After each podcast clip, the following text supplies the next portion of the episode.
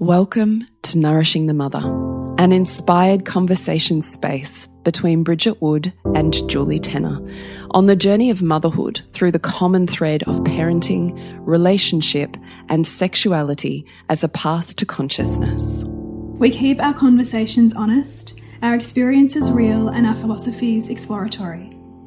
We believe that in order to raise incredible humans, we first have to raise ourselves. We know that in order to rock the family, you've got to nourish the mother. If you are here, you care about paving a path of conscious and intentional motherhood, connected with yourself and your gifts, and also illuminating your children in theirs so we may raise more whole humans who can impact this world in a more humane way.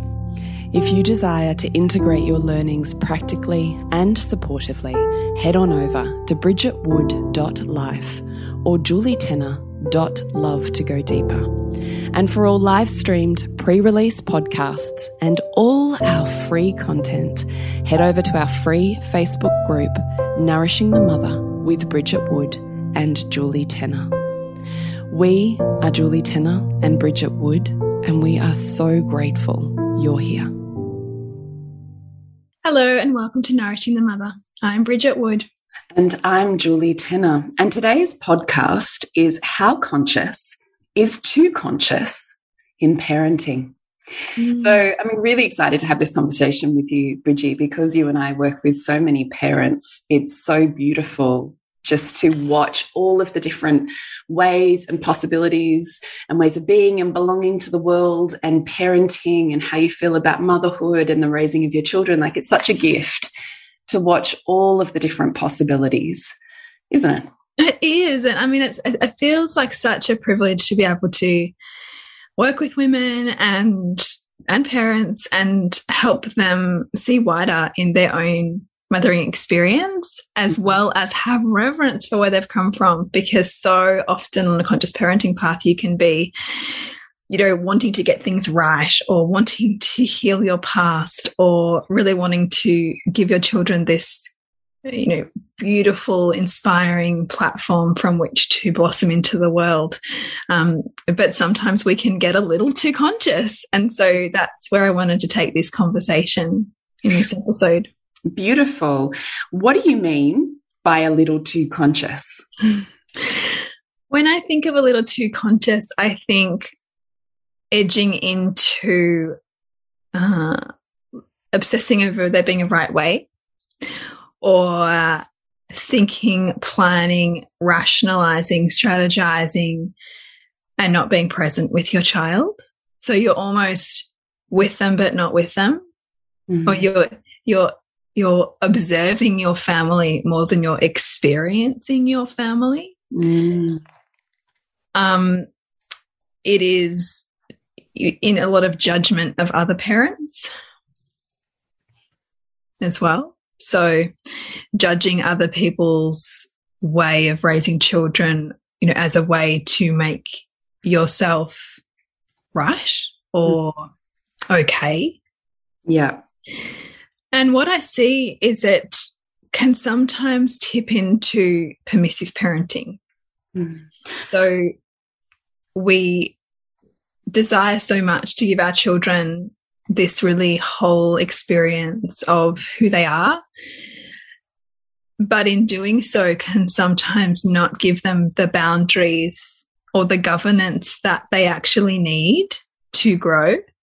And that is either either a, a conscious choice by us to give them freedom or, or an unconscious moving away from pain so we won't set the boundary or we won't put in the control mm. or the structure because that feels too much like how we were parented so we try to move in the opposite direction mm. so that was that is what i'm thinking of when i say too conscious you know that there's this and, and then also what it can also play out in relationship dynamics. So it can mean difficulty being intimate or connected to your partner because you're instead judging all the ways that they're not doing things right or that they need to be better. And so as long as we're projecting onto them we're not in our hearts and that we're therefore in disconnect with them, which inadvertently creates you know other problems for the family dynamic and for for our children often too. So yeah i just wanted to bring to light some of how i see that play out. I can see mm. you nodding away so i'd love to hear like what you will kind of uh, i just yeah i just really loved it especially that well yeah i mean i loved everything you said that's why I, why I wrote it down because otherwise it you know evades my mind. So what I wrote down about what I loved then was that concept of observing your family and strategizing what happens next and then and then and then. And you mm. can find yourself doing that across an entire day. So you haven't ever really been there. Yeah. because you're always actually living like you as the soul the energy the spirit is living ahead in time. Yeah. And the body or the vessel might be here, but you're not. Mm. And I could so, so, so, so, so see that part of me that thought that was the way to undo the harm that I perceived had been done to me. Yeah. Was by creating, by being, you know, two to four steps ahead of everyone meant that I would never end up at that point where the beast would erupt. Yeah. Yeah. So I can see the genius in strategy. And we don't create strategy for no reason. Mm. Like if you find yourself doing that, that's a trauma response. Mm. The inability to be here because you don't know what's going to happen and there's so much fear mm. that the perception is I mitigate that with the sense of more control, which of course isn't true because you're equally as out of control in that process. Yeah. Yeah. But I can completely see the trauma response in that.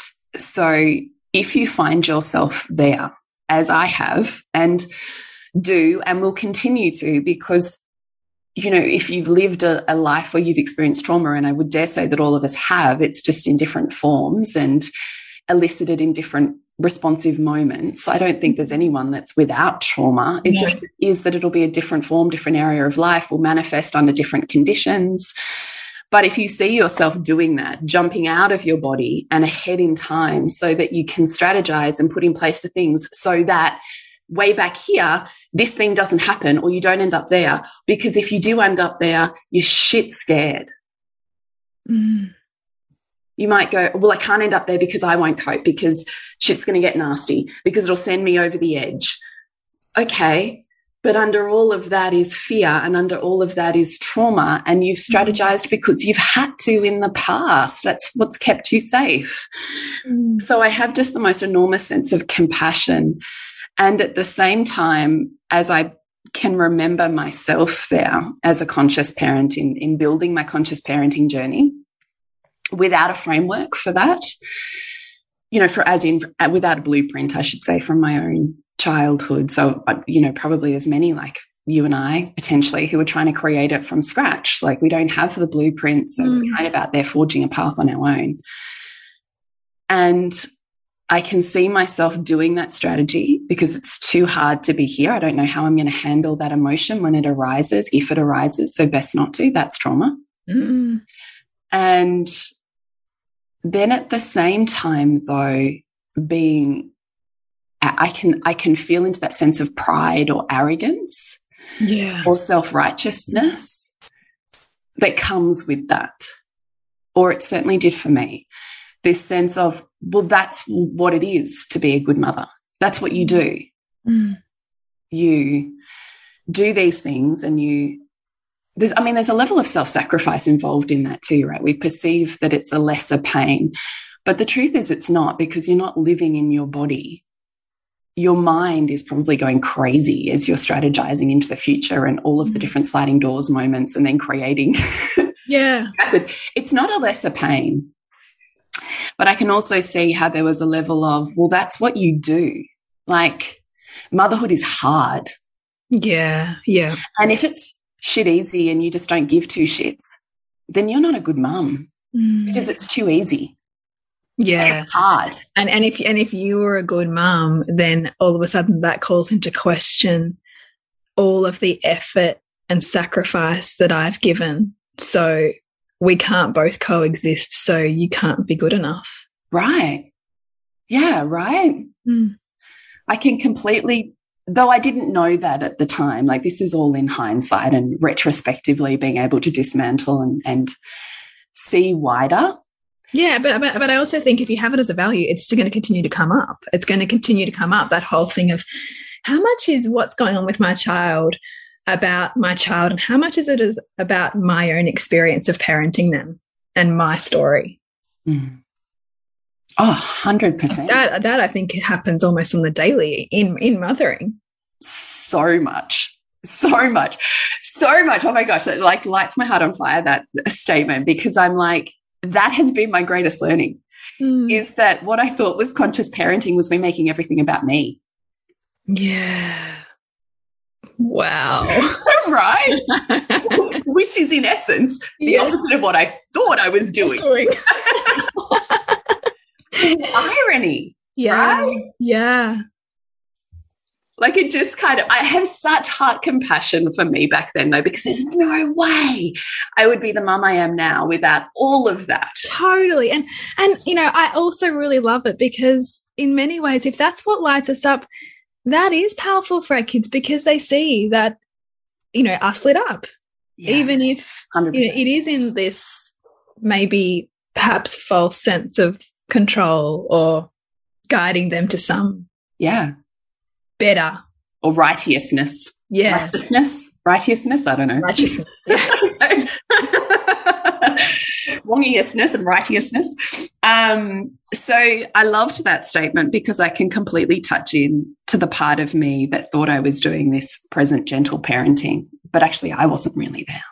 Mm.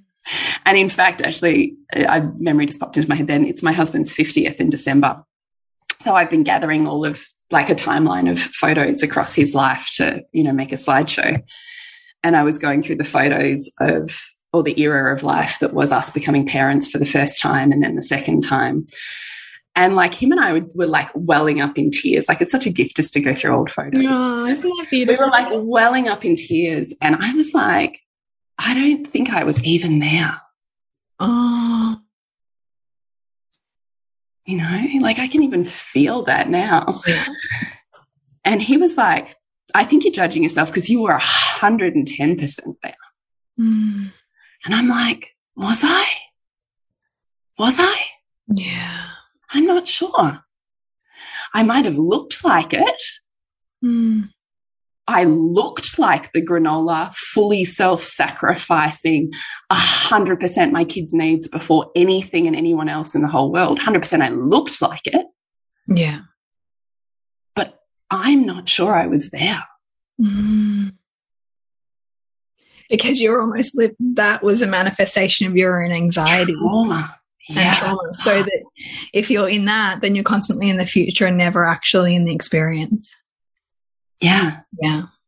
So I was looking back on these photos and I was like, oh my God, they were so precious. Mm. And yet all I can remember thinking and feeling was how fucking hard they were. Yeah. Whereas I had the experience of three and four that were completely present. Like I know that feeling is different. Mm. Like I look back on the photos of three and four and I don't have that, that, feeling. Yeah. that unresolved tears wanting to come from my body. It's not there Mm. because I was there. I don't have stuck stuff for baby three and four, Yeah. but Yeah. I've got stuck stuff for baby one and two Mm. because I wasn't really there. Yeah. So much compassion for that. Gosh. Yeah. So, like, I just so, so, so get it. And actually, it's when I think I'm so fucking grateful that we had three and four because I actually know what it's like to Mm. really be present and love the shit out of motherhood and Mm. let go all of the things of it having to be hard and self sacrificing and look this one way because my experience of three and four, I would say, is more conscious mm. and far less hard work. It's almost, in, in some ways, more, the irony being that it's a more conscious in the unconsciousness. Right. Because you're actually giving permission for more wholeness. Yeah. Rather than this narrow experience of like how I need to be for them. Yeah. how I need to speak to them, you know, or, you know, just this kind of tightrope. Yeah. That, that is often externally like created, right? Like, so you're looking for all of the perfect, like, you know, every single ingredient that you've referenced outside of you that must mean that you do things right. So that you get just the perfect balance of just the perfect person who's got all the right things that this child needs instead of actually showing up as you. Exactly. Mm. Exactly. And actually, now I look back, um, baby one and two sucked their thumb too. Ah, uh, did they? Yeah, but three and four didn't. How interesting. And at the time, I couldn't work it out. I'm like, I'm so present. I'm so conscious. Like, fuck the control patterns. I can't, like, I meet every emotion. Yeah. But did I? Because mm. was I mm. there? Yeah. So you might have, and this is like you and I've had this conversation too before about like, you know, the books and how to do this kind of parenting but they speak very little about the woman in that. Yeah. And how much you can embody yourself. Yeah. Because I mean, I can, I can see it like with my toddler.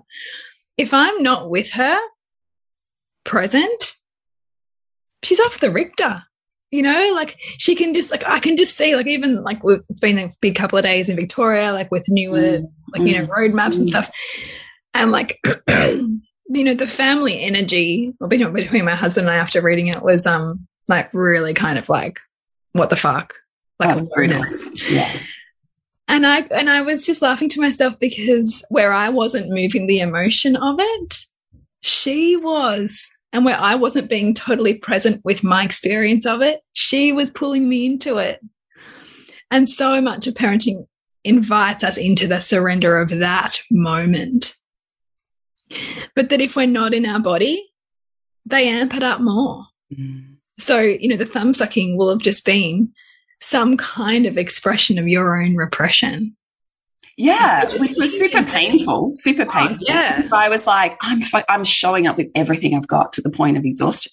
Yeah. But it's not about doing more. Yeah. And I thought it was. Like if I just spent more hours rather than the half an hour where I might have a cup of tea on my own. Well, if I gave up that half an hour, then maybe they wouldn't suck their thumb. Yeah, gosh. And it's just that that's never enough. Then, like if you if you con if it's constantly about doing more, right? Then you it's the road to burnout and depletion and resentment and frustration. But you never actually get there anyway. Yeah, exactly. Mm. Exactly. So that was point number one. point number two on judging other parents to make yourself right. I mean, you and I have cycled over this conversation so, so, so, so, so many times. Yeah. So we'll just briefly skim over it this time, but amen.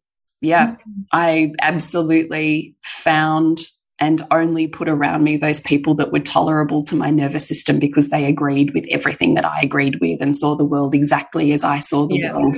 And anyone who didn't was so jarring to me, toxic people that I could just not be around or get out of my whatever or get so busy with my kids I didn't have to be around them. Mm. So, you know, definitely created an entire narrative of them and us, which on, honestly I had done. I actually think I was acculturated into that too because my dad was so alternative, there'd always been a them and an us. Yeah. So that was quite a safe pattern. Yeah. Yeah. You know, there was the mainstream. Yes. The sheeple. Yeah. And then there was us. God, how, how many how many families are growing up with that narrative now? How many children are being raised in that narrative now? I just see it as so detrimental. Yeah because it's the opposite of spiritual and consciousness, which is always trying to come back to oneness. It is so true. Isn't that like, isn't that, you know, the great cosmic joke of like yeah. conscious living is that you actually just end up otherizing every, otherizing the representation of every part of yourself you cannot accept. Yeah. Yeah. And that was deeply painful and isolating and mm. armoring because I had to fight the fight whenever I wasn't in those, in inverted commas, safe communities. Yeah. Yeah. Or I had to hide pieces of myself which is like, oh my God, I mean, the ripples that has across the world as soon as you start segmenting who you are. Well, It's so exhausting as well. And no wonder you can't have connected relationships with other people because you're not showing up as a whole self. Mm. You're only showing up as a fraction.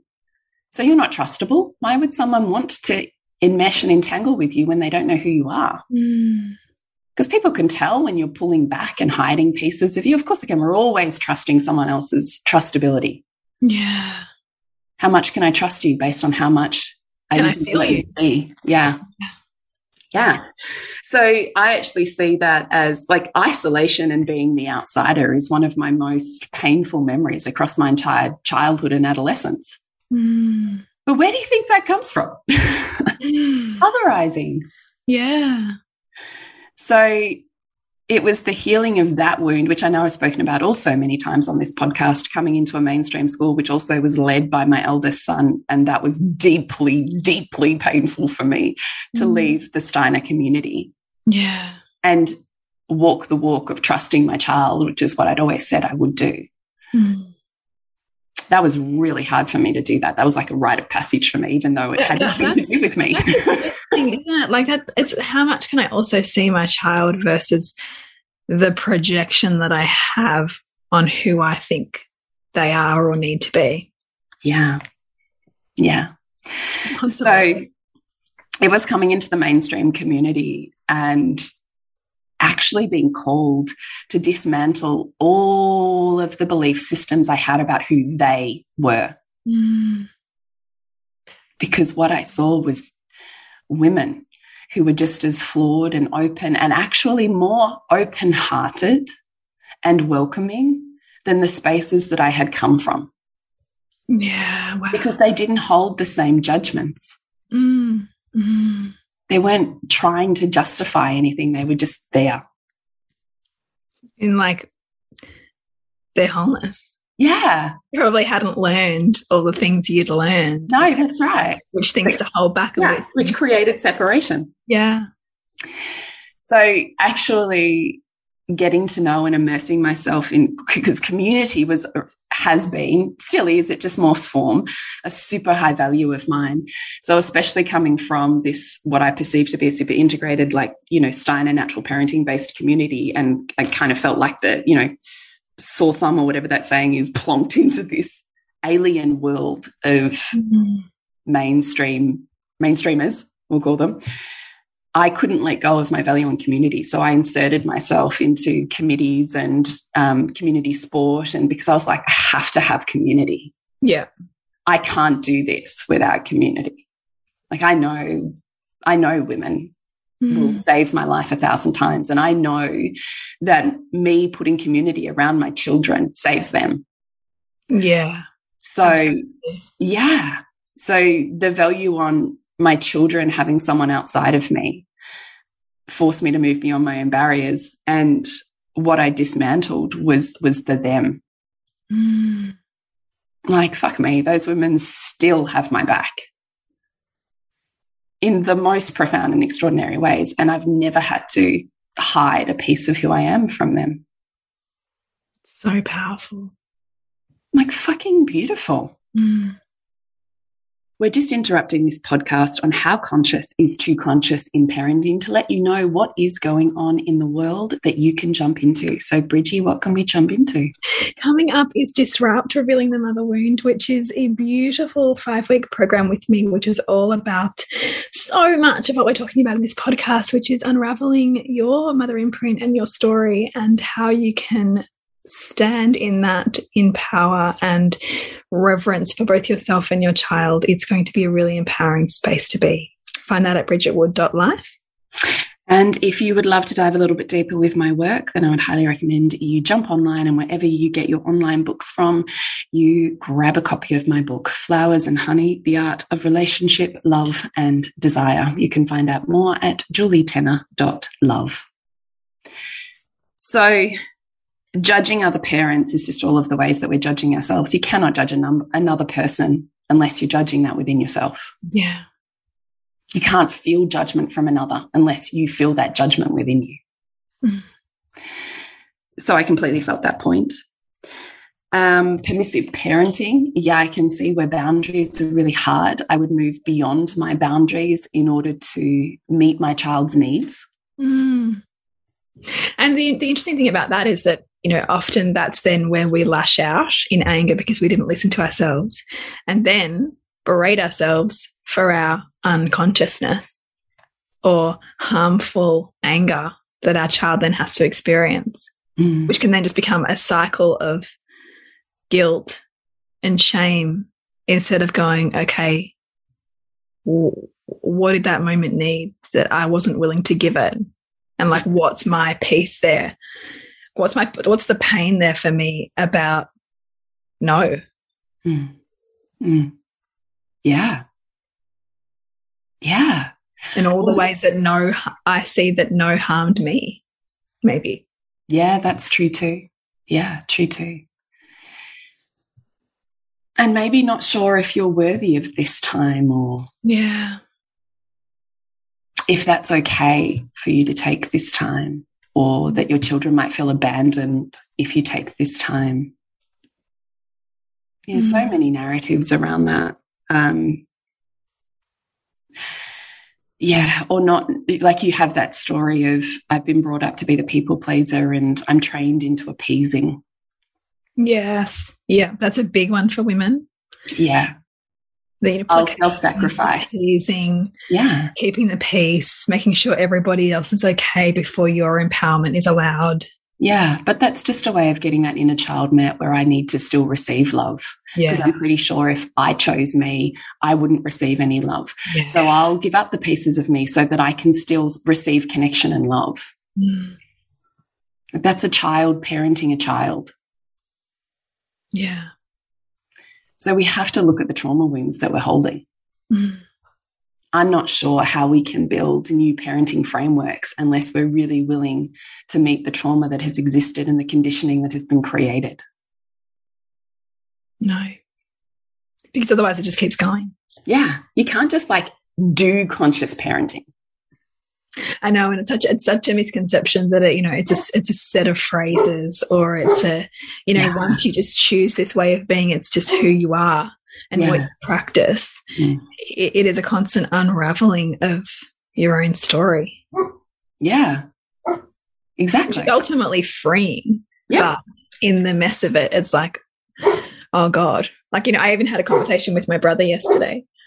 And I was like, do you remember like much conflict in our house, like when we were growing up? That's an interesting question. Yeah. And he's like, no. It's like as if mum would allow that. He's like, look at her now. Like if you and I have an argument, she has to walk out of the room. And so we both have this like sense, like my nervous system has almost got this sense that like fighting and like, you know, like tension is not safe. Yeah. So we'll brush it away, like push it away and pretend it's not there in order to be accepted in order to make sure everything's okay. Mm. And so it's a constant work for me with my, and I said to my husband like last night, I was like, it's constant work for me to allow our children to fight mm. and to trust like the part of me that has to waver around when I intervene and when I allow them to have their experience of arguing. Mm. And and when I can feel it becoming too much in my nervous system, I have to work that edge constantly mm around the sensory, you know, intensity of that. Not to let them hurt each other, mm but to actually just allow the disagreement. Allow conflict to exist. Allow conflict and to see conflict as part of healthy relationships. Mm. Because so much of my, I even see it with my, with my thumbs up, like a ref reflex it's like a well fuck you then like if i have feel like there's too much conflict with my husband or if we're having an argument yeah. i immediately go it's it's immediate like well you know like self-protection armor up like yeah. and it's just my pattern yeah totes how much less less divisive would this entire world be if we were actually able to stay connected to our heart in conflict yes yeah so much. It wouldn't be the them and me. There wouldn't be. But, and the way, the way that we, and the way that we learn to do that is by putting ourselves next to and alongside everything that we otherize. Yeah, so, so this is why you don't get rid of toxic people, right? No, you don't. And you also recognize the perfection of your family. Like after my conversation with my brother yesterday, we have wildly different views on things. You know, and and it's I am so grateful for that. Because it's exactly how it should be. In families, wow. you've got because in families you're having you have a conservation of opposites. In families, you will have the messy one, the clean one, the pro, the anti. Like you just have everything because it's designed for us to become whole. And the best way to become whole is to be forced to love the very things that are your blood.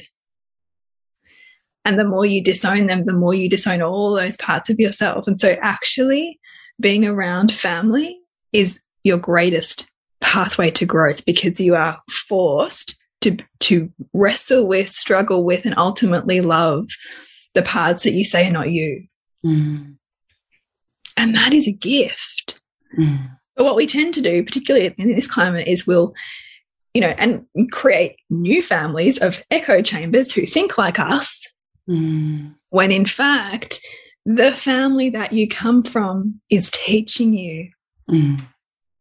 It's teaching you where you cut off mm. where you are polarized, where you don't accept others. You know, it's teaching us so much. And so that has been a most beautiful gift to love in the face of such difference and to learn to work that edge within myself. Well, to learn, I imagine also to hold yourself. Yeah. Integrity, sovereignty, but groundedness. Yeah. So you're not hustling for your worth, mm. fighting for your opinion to win.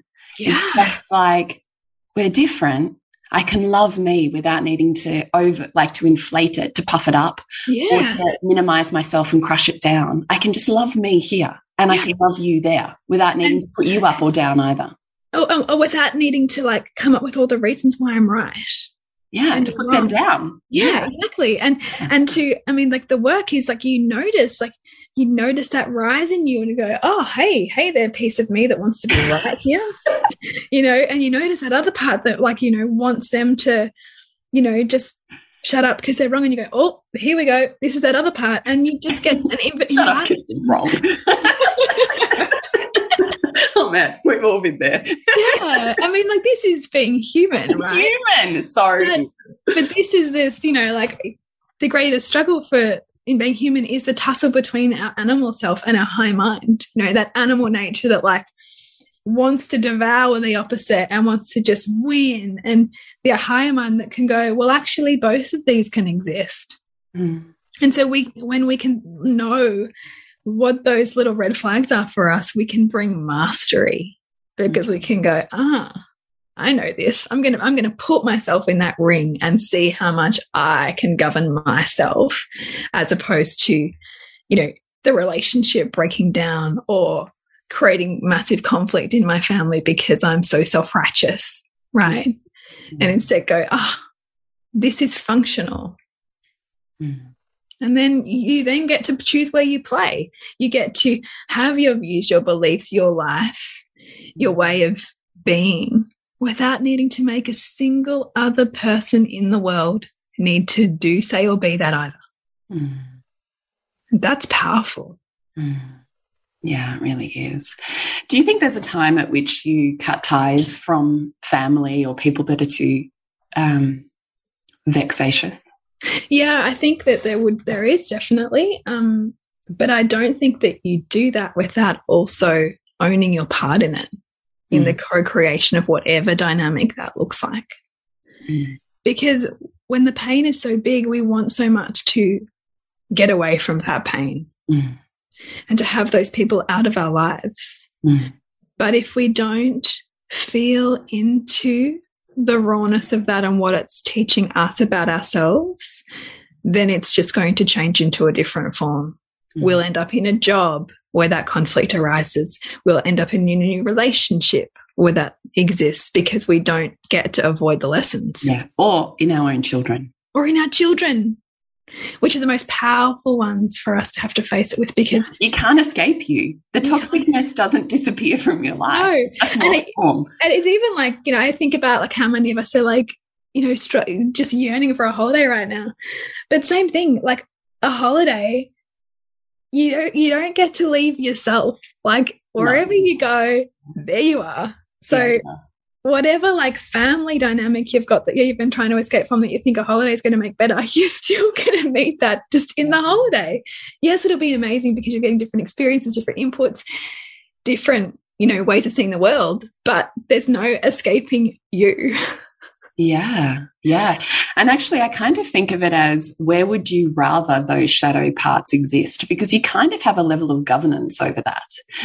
Can I go, this is really purposeful to me to keep my shadow in my mom and my sister, my mother in law, my who knows, brother? Yeah. Is this really purposeful for me to be with the hard parts in those people? Yeah. In my life? Or I shut the door on them is it more purposeful for me to be with that shadow in my children, yeah. in my relationship and my partner, in my workplace? Where would I rather the pain existed? Yes, because there's no getting rid of the pain. There's no getting rid of it. Mm. But you do have a co creation about where it appears. Where it goes. And it's that whole thing, you know, if you don't have an enemy outside of you, you will be your own enemy. Yeah, totes.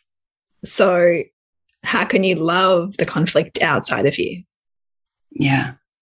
So powerful. Love, you know, even the times we're in of great upheaval and, you know, division. Mm. Like, you know, where where you're feeling cornered or where you're feeling controlled, well then okay, there's got to be an opposite. So where are you feeling free? Mm. Where are you feeling sovereign? Mm where are you feeling you have choice? And is that really meaningful to your life? Yeah, yeah totes. Totes. I mean, it just humbles you, doesn't it, when you see that? Yeah. My gosh. And it, and it stops the stories we tell ourselves. You know, it stops the, you know, obsessive overthinking about how things are, which is not true anyway. It offers us a pattern interrupt. Mm and an opportunity to choose our next step. Mm. Mm. Yeah. Yeah, I really feel that one. Mm. So I think that probably speaks to our next point, actually, which was providing the governance to grow. I think that's what we've just spoken about. Would you add anything onto that? Or providing the governance to our children, perhaps, was the lens you were speaking with it at at the beginning, and we've moved yeah. into governance of self. Yeah. But do you want to add in the layer of the governance, governance for children? Yeah. For children? Yeah. yeah. So what I um, love to remind a lot of parents of is, you know, who have that really child-led inclination, is that it was Marie Montessori who so much of um, that thinking has come from in terms of at least educational settings and, and learning. And so people pick up her quote, which is, you know, follow the child, but they forget the second half of the quote, which is follow the child as their leader. Mm. So sometimes as a leader, we're going to lead them to discomfort. We're going to lead them well done. to difficulty. Right? And where we don't want to, how is that reflective of where we don't want to lead ourselves to that? Mm. Because mm. if I'm struggling with something in me, chances are that's going to be mirrored around me. Mm. Mm. And do I really want cut them off from that opportunity to grow? I don't. Because they can. And I can. It's just moving past the parts that feel like we can't. It's so true. And so I think I, I, see it a lot with you know many parents who who you know attachment parent and they struggle a lot with weaning, for example. And I just have so much compassion because that was certainly my experience with my first child. It took so much within me to build the um the certainty that he'd be okay and I'd be okay and it was you know the right thing for us both. But so often we can look to our child's readiness, like, oh gosh, you know, are they, are they really, or they still want it, or we find all the reasons why toddlers should be able to feed through the night without thinking about and giving any spaciousness to or reverence for what we really need right now. Mm. Because we have been cultured to minimize ourselves and our mothering and give everything to everybody else. And then maybe if they're okay for five minutes, then we'll get what's left. Or we get so pissed because we haven't had boundaries and so pissed because we haven't looked in the mirror of our, that our children are offering us that we go, well, fuck you, I'm out. I'm out. I'm going out for the night. You deal, mm. which isn't actually that healthy either. Mm. There's a place in the middle that says, what does my child need right now? Mm. What do I really need right now? How can I see this point of contention between the two of those needs and find a way forward that is honoring of us both. Mm. So, my body right now is saying that I don't want to feed in the night anymore. I'm really tired. I want to go to sleep. And that be just as valuable and important as my child's desire for more milk. Mm. And that child is learning an important lesson about body autonomy, about respecting somebody else's needs and their own, as well as long as well as their own. Mm. And they are all deeply important lessons. Mm. So it's that coming back to what do you really want as a mother? And can you let that have let yourself have that? Yeah. Yeah. And stepping into that role of leadership because we're all mm. leaders. Yeah. But depending on how you feel about leadership will probably depend on how um, easeful that step is for you. Mm. But for kids' nervous systems, it's way better to know someone's someone's on, you know, driving this car. Yeah. Someone's captaining this it's ship. Totally. It doesn't have to be me. Yeah. Because that I had to do that because I was the parentified child because my mum did not have the ship mm. which meant I had to have the ship. Yeah. Because for survival. Someone, for survival, because someone in that family dynamic will have the ship. Mm. Someone will step into that role. So is it going to be you, which I perceive to be the best development for your child is to know they don't have to adult up too quickly. They mm. don't have to move into the areas of anxiety because is someone leading this? I don't even know. Is there an end to this? I don't even know. Is yeah. there a boundary? I don't even know. If I hit a boundary, it's going to come out of side swipes like, I'm out. This is it. Because I didn't know there was a boundary there to begin with. And now I've got anxiety and trauma because we got to that point and I don't, there's always a tiger coming to get me. Yeah. That's what happens when there's no one captaining the ship. Yeah. And I don't know what the rules of engagement, AKA boundaries, are here. Mm. It's such a great explanation because it's so true. And we can sometimes think, oh, but you know, my children just want freedom to be. And then sometimes we think that that gives us freedom to be. But actually, there's a level of anxiety in them if they don't feel like, totally. you know, this is coming after this, which is coming after this, and we're all going to move in this direction. And yes, some people are going to be annoyed about that, and I can accept that you're going to be annoyed, but this is where we're going. Yeah. Yeah. Because boundaries let people love you better. Mm. If you don't tell me what your boundaries are, you're not a safe person, and I don't know how to love you. Yeah. And therefore, that's my imprint. Mm. So when you say that, because I think I need to hear that again because I love that so much. Boundaries let people love love you better. better. Mm. Because if I can say to my kids, here's how I love to be touched. And here's how I love to engage with you. And here's what opens my heart and keeps us in connection. And here's the thing that things that fracture and damage that.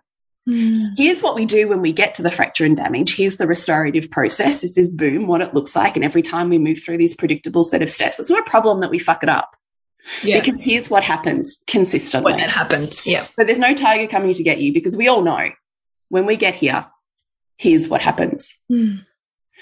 But in that process, you're learning how to love me and meet me in that place, which is what we're hmm. always trying to do. How do we love the other better? Mm. How do we love in a way that's a gifting towards the other that makes them better? If you're not in relationships that make you better, what are you doing in them? Mm. Same thing goes with our children. Yes. I'm here to be in relationship that makes them better. And so are they with me. Such a great breakdown. I love that because it's such a call to rise. Yeah. Yeah.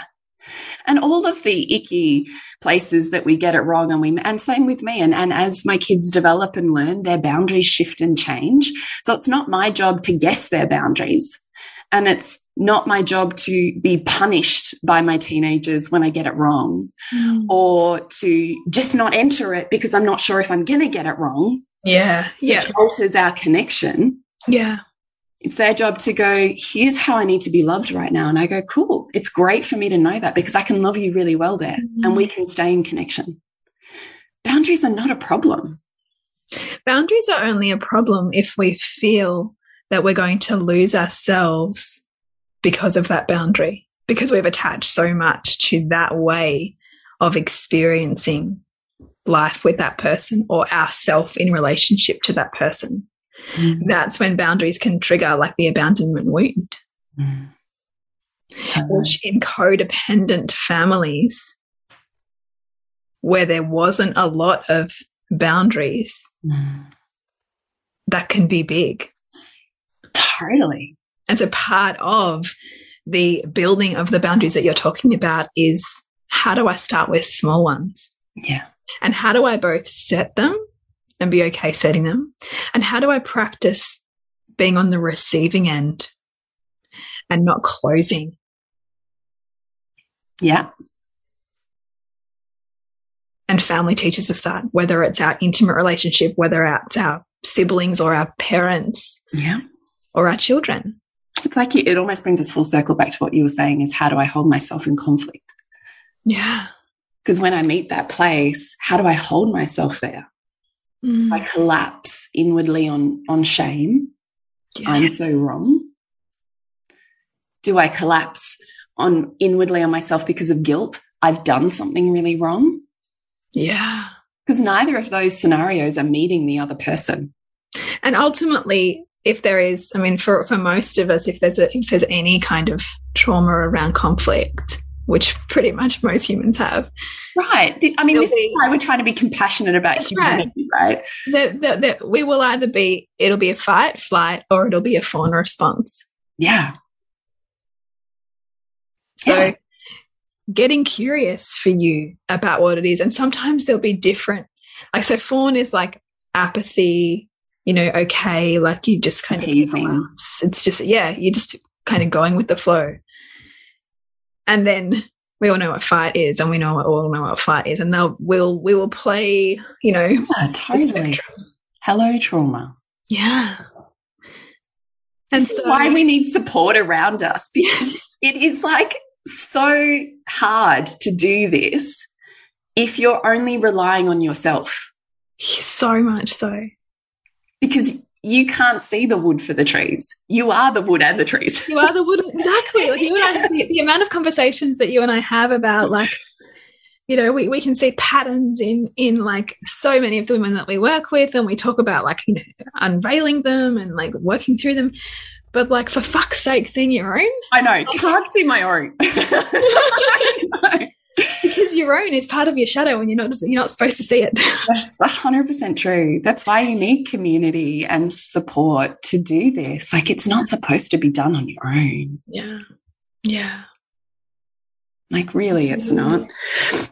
So before we wrap up, the last one, and I, I know we don't want to spend too much time on it because it's school holidays and you and I are both getting back to children. We've yeah. been going for a really long time. But the last one was that the partner needs the projection of the partner needs to be better. So you're not actually in your heart loving them. Mm. Like that one just like drilled in so hard into my heart when you said it. Yeah. It's so big, isn't it? Yeah, you isn't put the other person in the pit and yourself on the pedestal, mm -hmm. and you mm-hmm. cannot love from there.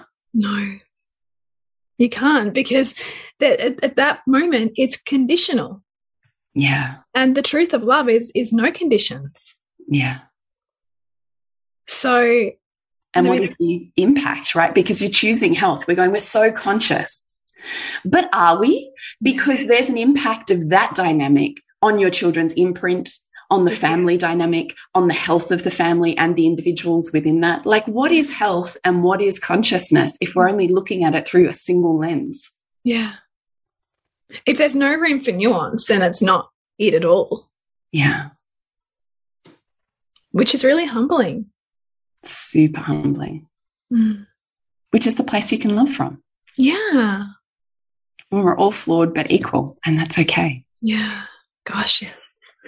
So if you are a mum who would really love to delve a little deeper into some of your own patterns and, and how to kind of exist and live and thrive beyond those, to unravel your mother's story and some of those wounding places. And I really would love to invite you into Disrupt, Revealing the Mother Wound.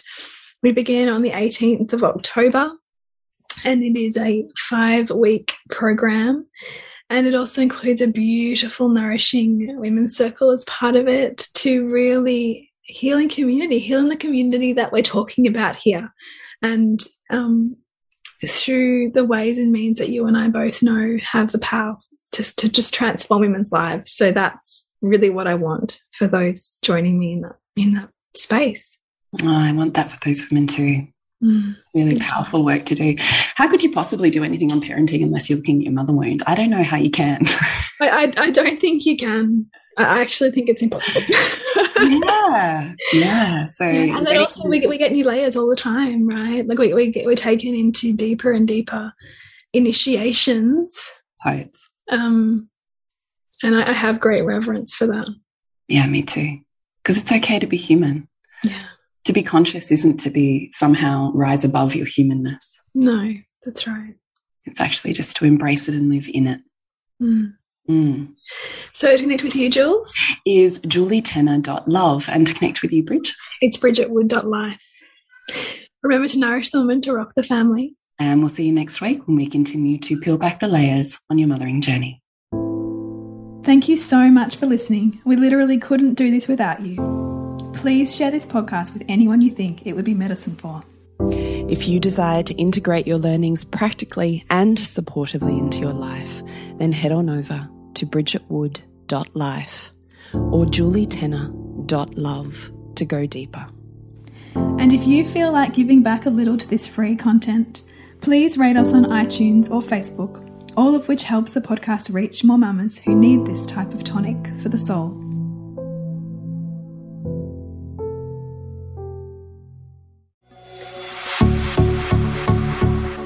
This has been a production of TheWellnessCouch.com. Check us out on Facebook and join in the conversation on Facebook.com forward slash The Wellness Couch. Subscribe to each show on iTunes and check us out on Twitter. The Wellness Couch, streaming wellness into your lives. Whilst the Wellness Couch presenter endeavor to provide accurate and helpful information to their listeners, these podcasts cannot take into account individual circumstances and are not intended to be a substitute for health and medical advice from a qualified health professional. You should always seek the advice of a qualified health professional before acting on any of the information provided by any of the Wellness Couch podcasts.